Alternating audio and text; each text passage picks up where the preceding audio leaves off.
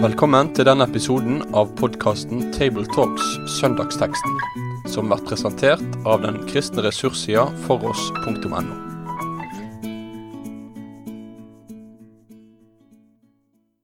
Da er vi samlet til eh, en ny eh, Tabletalks om søndagstekstene. Seniorrådgiver i Nordmisjon, Svein Granerud er her. Egil Sjåstad, dosent ved Fjellhaug internasjonale høgskole, er til stede. Og så er jeg, Asbjørn Kvalbein, pensjonist og har vært aktiv i mediearbeid gjennom livet. Jeg ber Likot Svein om å lese teksten. Den leser vi sammen fra Matteusevangeliets tredje kapittel, og det er to vers, vers 11 og 12. Det er døperen Johannes som taler. Jeg døper dere med vann til omvendelse, men han som kommer etter meg, er sterkere enn jeg. Jeg er ikke engang verdig til å bære skoene hans. Han skal døpe dere med Den hellige ånd og ild. Han har sin kasteskovl i hånden og skal rense sin treskeplass. Hveten vil han samle i låven, men agnene skal han brenne opp med ild som ikke kan slukkes.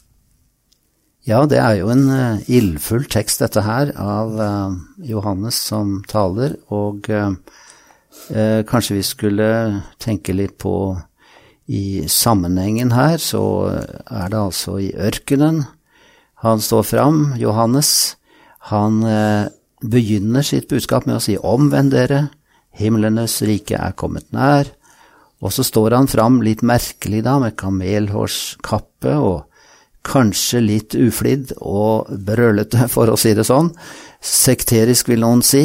Spiser merkelig mat, det gjøres det oppmerksom på. Og så står han fram, og hele landet ved Jordan kommer ut til ham. Hele Judea. Så det er en sensasjon av dimensjoner. Og hva vil du si, Egil, hva, hva særpreger hans forkynnelse her, da? Jeg tror døperen Johannes særpreges av to store tema. Det ene er lov, og det andre er evangelium. Nå holder jeg meg til den gamle begrepa som har med forkynnelse å gjøre. Han forkynner Guds bud helt direkte, og i Lukas 3 ser vi hvordan han går tett på og taler om helt konkrete ting, der de da er like glad i forhold til Guds bud. Og så går han inn på sjølbedraget hos de som tenker at med oss er alt i orden, for vi er Abrahams barn, men, men, eh, som ikke egentlig bryr seg om å ha det rett med Gud allikevel. Og så kommer han rett inn i dette med sitt uh, domsbudskap om øksa som ligger ved treet, og uh, treet hogges ned, osv. Og så er det Jesus som blir hans store tema. Og det ser vi allerede der. Han som kommer etter meg. Og etter Jesu dåp så er det Jesus som Guds lam og Guds sønn som er hans store tema. Hva slags forhold til eh, Johannes har du da, Svein? Nei, Jeg skulle veldig gjerne vært, uh, om ikke flue på veggen, for det gikk jo i frilufta her, men kanskje en fugl som fløy over. Og, og, sett mye av det som skjedde rundt han, for han er jo en av Bibelens mest fargerike personer. Du nevnte litt av hans ytre framtreden. Uh, nå var det ikke så lenge mellom hver gang det framstod noen som uh, ønsket å være profeter og tale folket til rette, eller komme med opprørsfane mot romerne og sånn, så de var ikke helt uvant med at det sto fram folk som påkalte oppmerksomhet. Men, eh, men, eh, etter at de har gjort seg ferdig med hans utseende, så er det jo røsten de hører, og det han taler. Og det fortelles jo at de, de, de kom og ble døpt, og de omvendte seg, så det var jo mange som lyttet til budskapet. De lot seg ikke bare underholde av en fiffig figur, men de lyttet til det han sa. Så han traff jo noe hos folk som, som berørte deres gudslengsel, og som, som, også berørte deres samvittighet. Eh, risikoen med det er jo at du blir en type lovens profet som, som oppfyller folks ønske om moralsk forbedring. Det, alle tider har han noen muligheter til å spille på folks dårlige samvittighet. Og Det er der det er så viktig, som Egil nettopp var inne på, at vi ser at Johannes han, han taler ikke bare til moralsk forbedring, men han lar det møte en Gud som gjør at vi både frykter, men også skjønner at vi er elsket. Og det er der spenningen ligger. Det er der eh, forståelsen av Johannes ligger og venter på oss, tror jeg. Nettopp i den spenningen der. Jeg tror vi må stoppe litt mer for det der begrepet omvendelse, vende om. Det er jo brukt ganske mye også i Det gamle testamentet, og det betyr jo egentlig å, å snu i ny retning, altså. Man snakker om eh, militæret holdt, venn om og, og, gå i en ny retning. Altså rent bokstavelig. Men hva innebærer det når det gjelder åndelig sett? Eh, det greske ordet innebærer jo noe i retning av å forandre sinn, altså at sinnsretningen snus. Og der må jeg si at um, dette er viktig å tale om, for av og til er det noen som sier at uh, på bedehuset har man snakka altfor mye om vennelse, og der sitter jo masse kristne mennesker, og de har hørt dette mange ganger før og er lurt lei av det. Men saken er at vi trenger stadig å innrette vårt sinn, vår tanke, vår innstilling, våre følelser, i retning Gud, fordi vi vender oss hver til sin vei, som det står i Skriften, det, det, gjorde vi. Det er syndens vesen i oss, at vi vimser hit og dit. Omvendelse betyr å rette sinnet igjen mot Herren. Eh, så det å leve i omvendelsen, og det å forkynne omvendelse, det må vi gjøre, men på en rett måte. Eh, ikke slik at dette er en prestasjon, men det er eh, Herren som, som står der, og så har vi vendt oss ofte bort fra Han, men Han er jo livets kilde og velsignelse. Hos ham får vi ny fred og tilgivelse og mot til vandring videre. Jeg tror det er viktig det er å få fram også at uh, omvendelse det er omvendelse til noen ting. Det er til Jesus, til Gud. Og uh, den som skal forkynne til omvendelse, han må ikke bare forkynne selve det å snu om, men han forkynner hva jeg snur om til. Uh, det er det som døperen Johannes også her. Ja, straks kommer temaet Jesus. Han som kommer etter meg, er sterkere enn jeg osv. Hvem han er, hva han kan gjøre. Så du får det, både det å uh, bryte opp og det å henvende seg til rette instans, som er Jesus. Hvorfor var det så viktig, tror dere, dette med at det var vann? Uh, han kunne vel bare forkynt i omvendelse? Hvorfor innstiftet han en slags Johannes-dåp, som det er blitt kalt? Det kan vel altså For det første var jo disse kjent som jøder, så var de jo kjent med vannets rolle i ulike former for renselseshandlinger som de hadde som en del av sin tro. Så, så vannet var i hele den jødiske tro eh, flere hold et uttrykk for at man eh, skiftet fra en status til en annen. Det hadde med renselse ved svangerskap og fødsel. Det hadde med proselytisme å gjøre, så det var i flere sammenhenger vannet var inne som et element i noe som eh, synliggjorde at man enten renset seg eller skiftet en status. Så Sånn sett så var nok ikke vannet ukjent for dem. Men en dåp, det, det, er noe litt annerledes. Eh, og da kan det jo være at han også her er et forbilde på en som kommer og ikke bare døper til omvendelse, men som døper til et nytt liv. Så jeg tenker meg jo at også Johannes' sin dåp er ikke den samme som Jesu dåp, men den peker framover mot en dåp som ikke bare er uttrykk for en ytre god vilje, men som gir oss et nytt liv, peker framover mot noe større.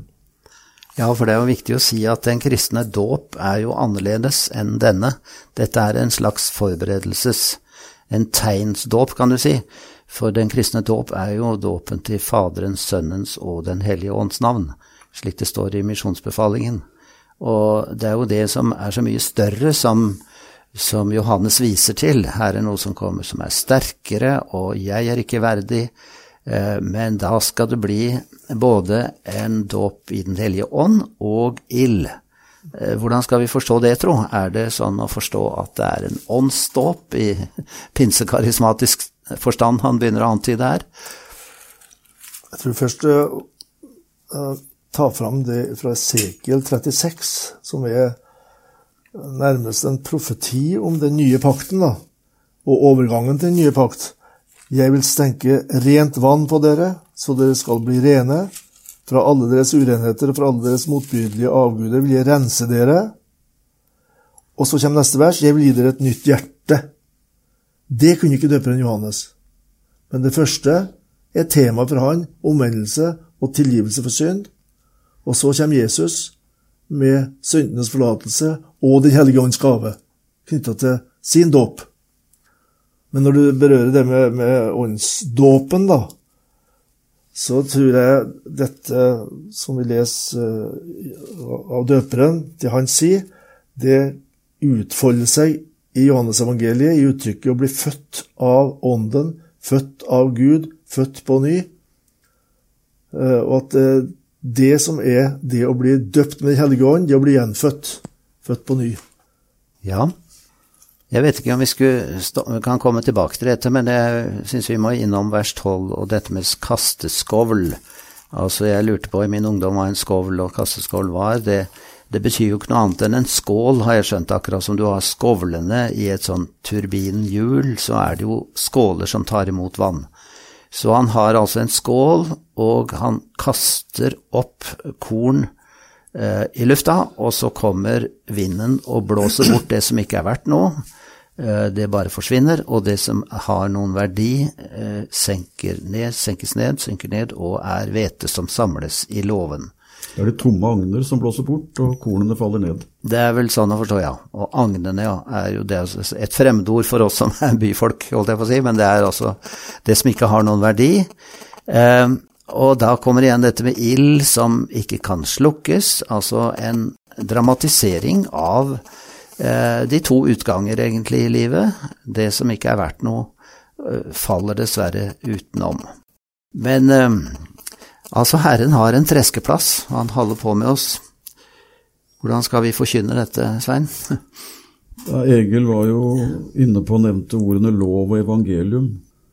Og Vi feirer jo 500-årsjubileum for reformasjonen i år også, så det skader jo ikke å minnes litt om hva som Luther og reformatorene var opptatt av i sin samtid, når de forsøkte å gjenoppfriske skatter i Guds ord, som det nok var blitt litt slagg over på gjennom kirkens eh, mange århundrer. Og det gjaldt jo ikke minst å få fram at uh, gjennom ordet så møter vi Gud. Uh, vi nevnte i en tidligere samtale at det er Jesus som er ordet. Og i møte med Jesus og i møte med ordene i Skriften så møter vi den Gud som både er hellig, og som jeg frykter å møte, fordi jeg blir avslørt i møte med Han.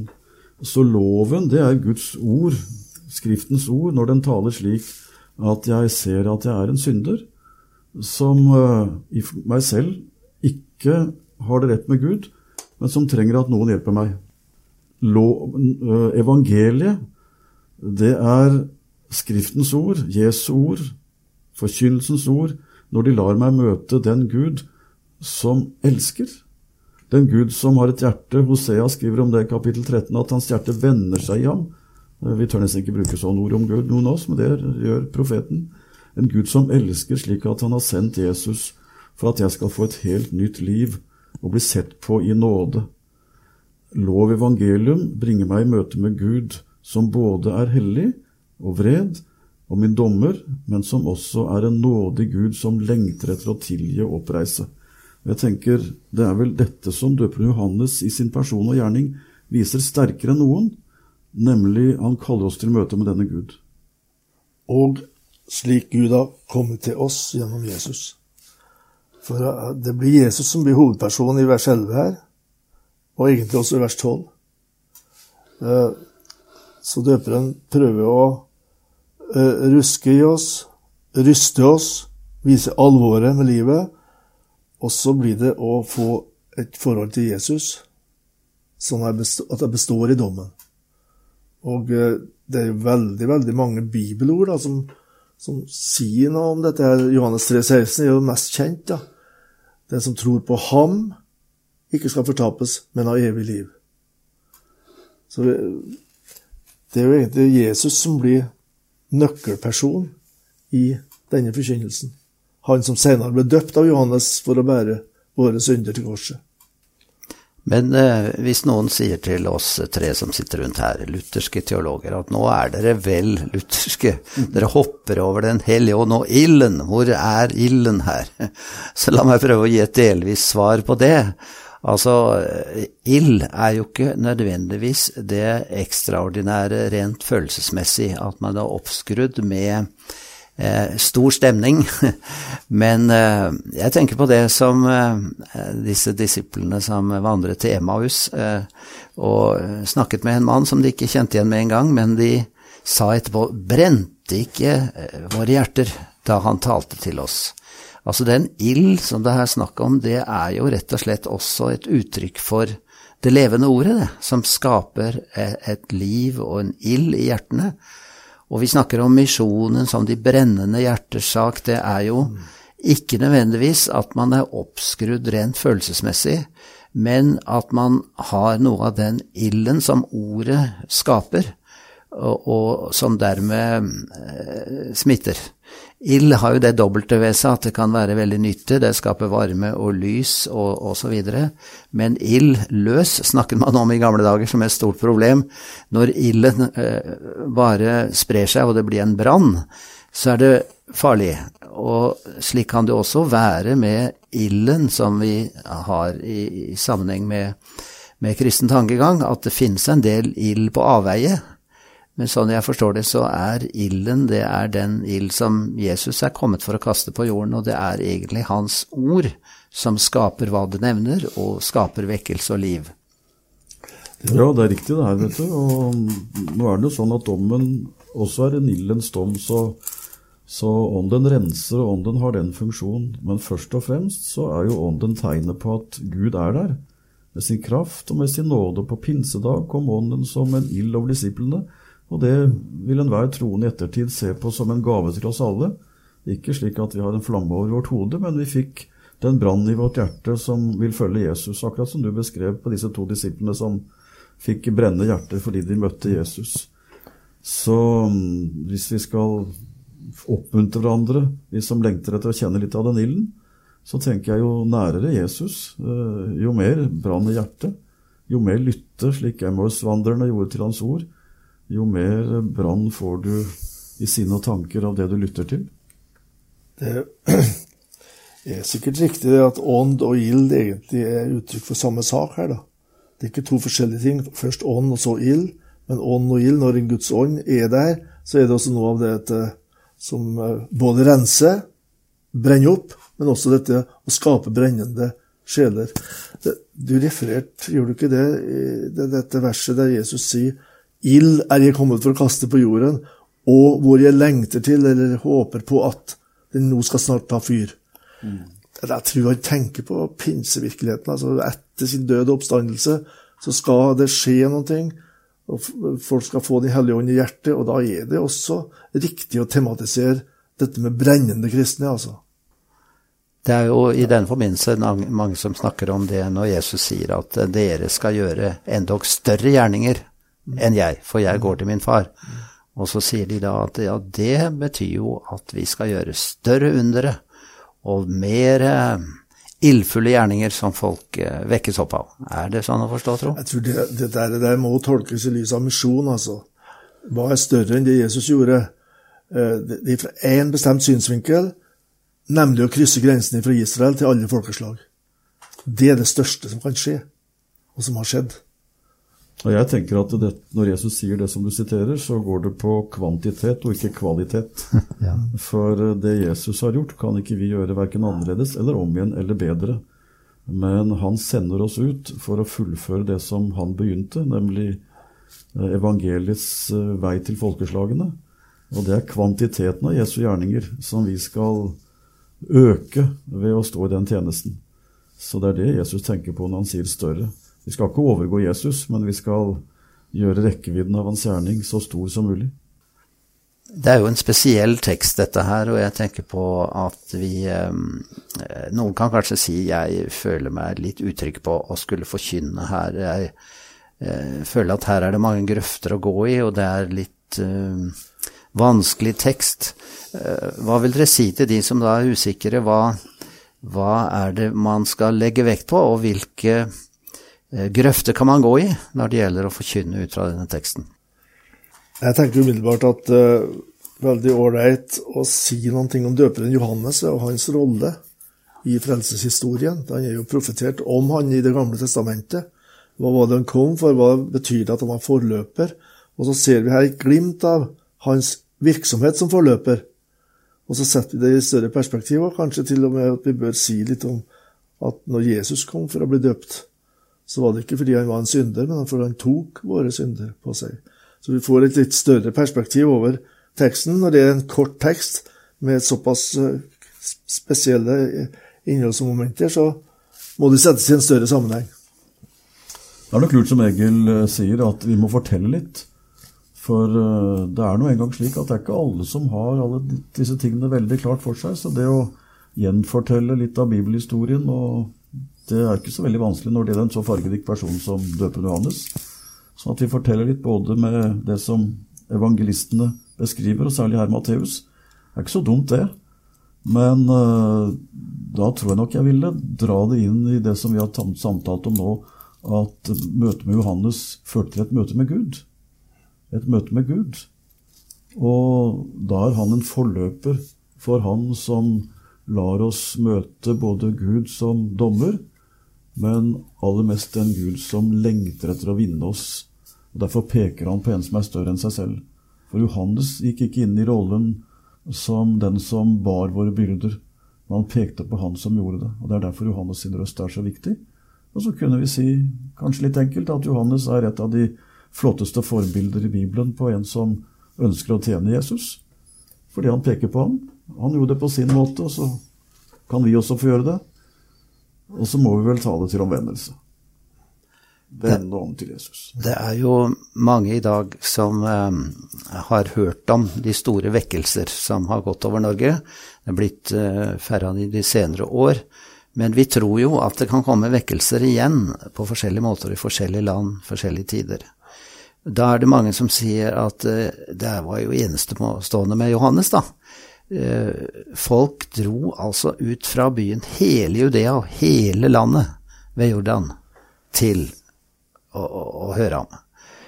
Hvordan kan det bli vekkelse i dag igjen? Kan, kan vi tro at det kan skje på nytt? Det må vi tro. Og Det er jo interessant å se at døperen Johannes nettopp ikke taler folk etter det de ønska å høre. da. Det ble jo rystelse. Men, men, det går heller ikke an å bare slå til med rystende tale hvis en ikke sjøl har vært gjennom det. Gjennom det da.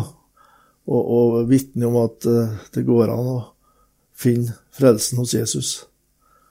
For to måneder siden så var jeg i Kambodsja og fikk være med på en evangelisk aksjon i samarbeid med de kristne kirkene der. Et samarbeidsprosjekt.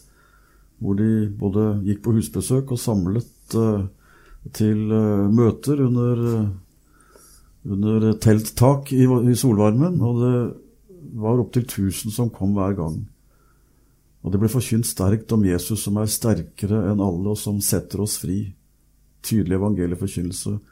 Og folk kom fram etterpå for å gi til kjenne at de ville følge ham, og ønsket besøk av en evangelist som kunne fortelle dem mer. Det er det nærmeste jeg har vært vekkelse i mitt senere liv. Det var sterkt å være vitne til. Og så tenker vel vi at sånn skjer ikke her hjemme. Men det skjer der, og det skjer mange steder i verden. Hvordan vekkelsen kommer til Norge, vet jeg ikke. Jeg ber om vekkelse hver dag, og så sier jeg til Gud det får skje på din måte. For det er ikke sikkert han repeterer det som har skjedd før hos oss. Men at Gud kan, det tror jeg. Men jeg tenker vi skal føye til du må begynne med meg, og du må begynne med oss. For det kan nok hende at vi som Jesu disipler i dag må dras enda tettere til Jesus for at vi skal komme nærmere folk.